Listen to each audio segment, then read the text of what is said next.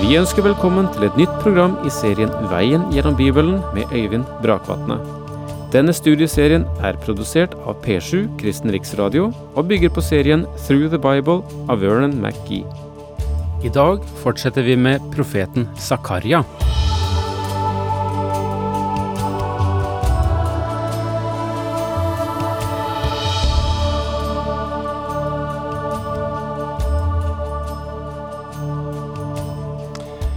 Vi begynte sist på kapittel seks, og der innledet vi med det tiende synet som eh, Zakaria hadde i løpet av en natt.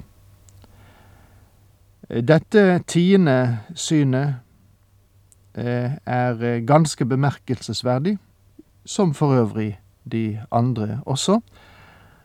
Eh, og vi fortsetter nå med, med å se litt på, på, sammenhengen som dette synet står i.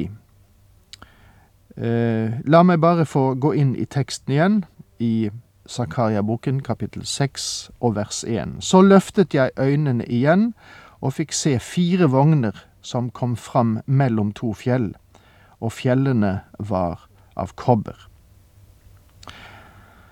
Jeg fikk se fire vogner. Disse fire vognene kan tolkes som å representere de fire store verdensriker som Daniel så i sitt syn. Alle var hedenske verdensriker, alle var dømt av Gud. Og den delen av Daniels syn er bokstavelig talt fullbyrdet. Altså, disse fire vognene kunne enkelt representere disse fire riker.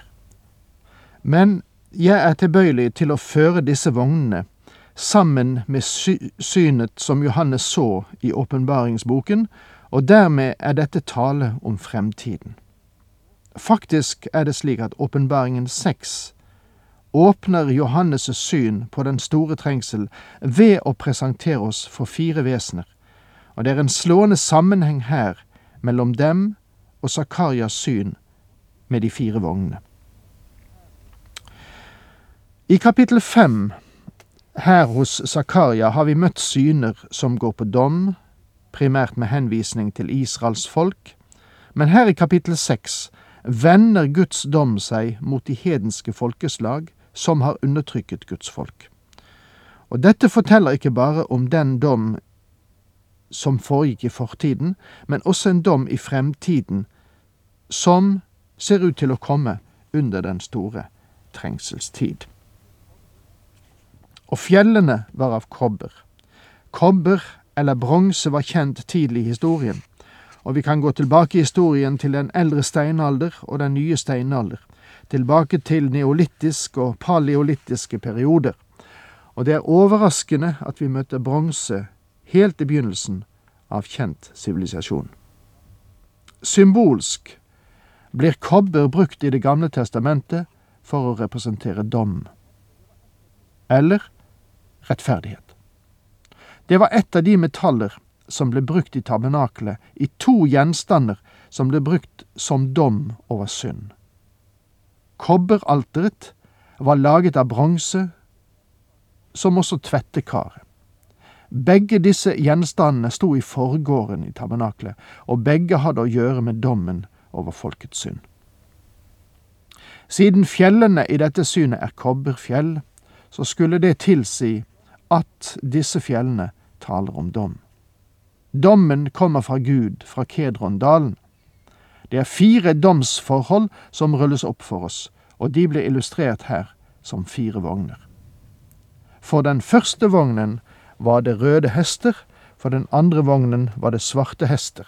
For den tredje vognen var det hvite hester, og for den fjerde vognen var det flekkete røde hester. Fargene på disse hestene er betydningsfulle. Vi har de samme fargene på de fire ridende vesener i Åpenbaringen seks.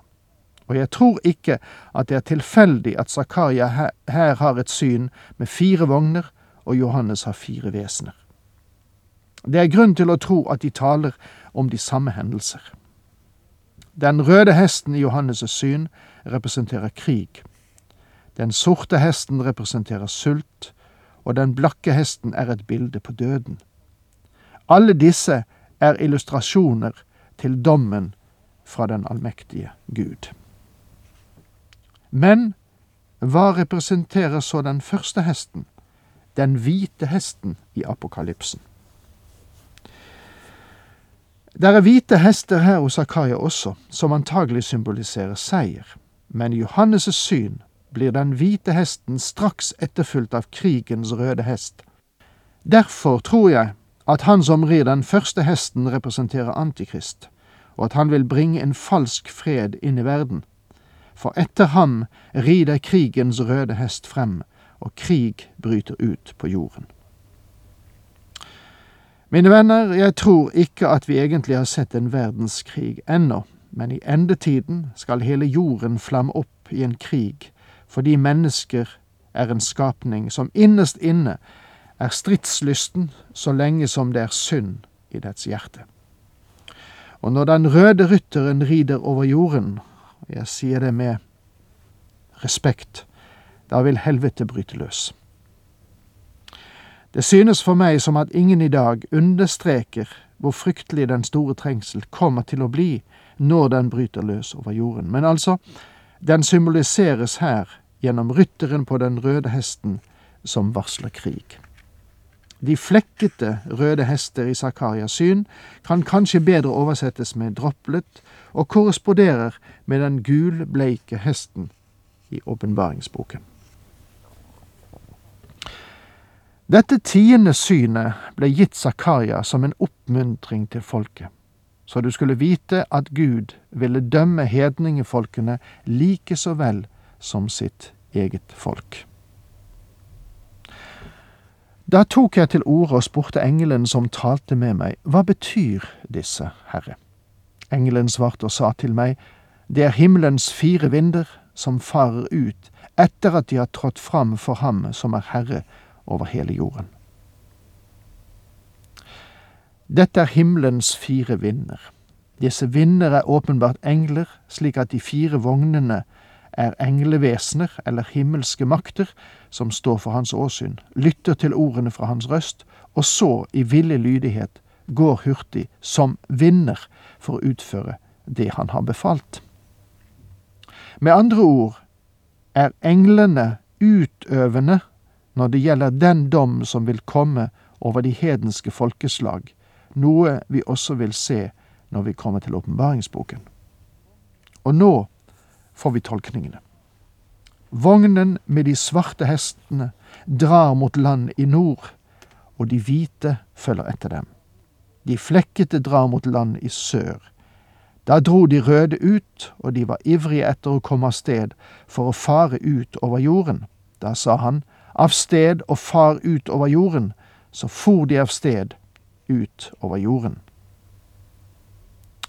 De sorte og hvite hestene drar nordover i landet.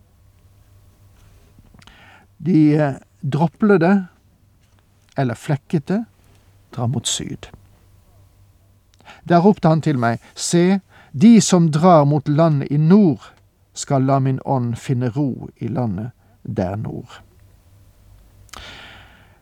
Merk deg at ingen av disse hestene drar mot vest. Det ville føre dem ut over Middelhavet, og det er heller ingen av hestene som drar østover, over den arabiske ørken. De går mot nord og mot syd, som er veien man da ville dra fra Israel til de, ves, de, til de vesentlige andre områdene i verden. Og de retninger som er angitt, betyr ganske enkelt at de drar ut fra Israel over hele jorden. Det sies at de sorte og hvite hestene drar nordover. Personlig har jeg en følelse av at dommen under den store trengselstid begynner med Russland som strømmer inn over Israel, og derfor går dommen først til kongen i nord, til Gog og Magog i nord. Dommen vil også føre sydover mot Egypt. Eh, men hvilken vei disse hestene rider, er ikke hovedtanken her. I åpenbaringen får vi en serie av hendelser under den store trengselsperiode. Den ene følger etter den andre. Den ene krise etterfølger den andre. Når den hvite hesten rider fram, vil han føre med seg seier som vil danne grunnlaget for en falsk fred på jorden. Verden vil tro at det nå går inn i tusenårsriket, mens det egentlig går inn i den store trengsel. Umiddelbart etter den hvite hesten følger krigens røde hest. Krig bryter ut over jorden, fulgt av den sorte hesten, som er hungeren. Hungerkatastrofer følger generelt krigen, noe også pesten og døden gjør, som er symbolisert gjennom den fjerde, gulbleike hesten.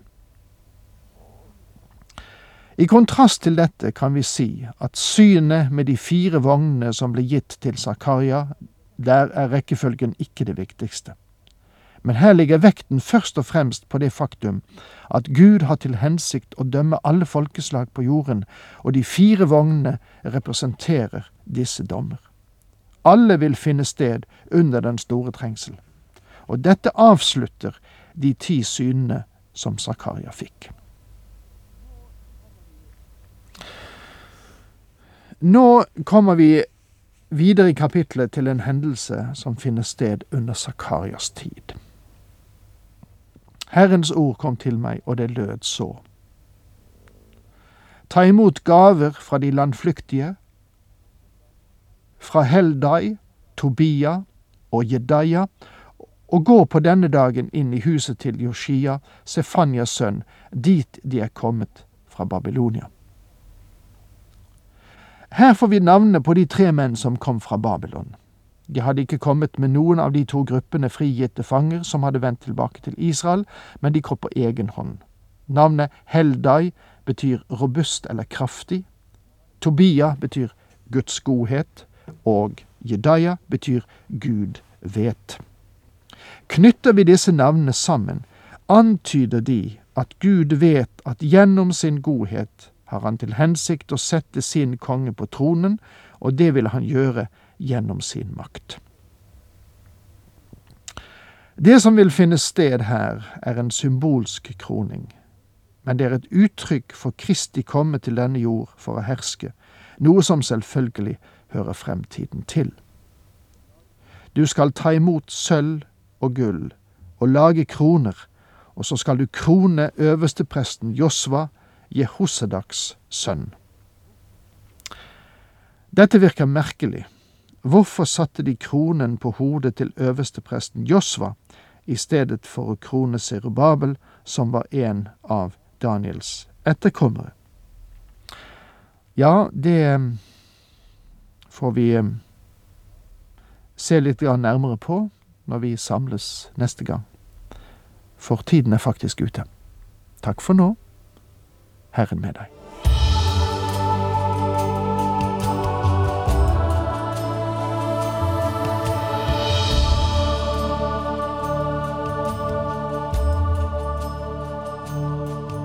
Du hørte Øyvind Brakvatne i studieserien Veien gjennom Bibelen.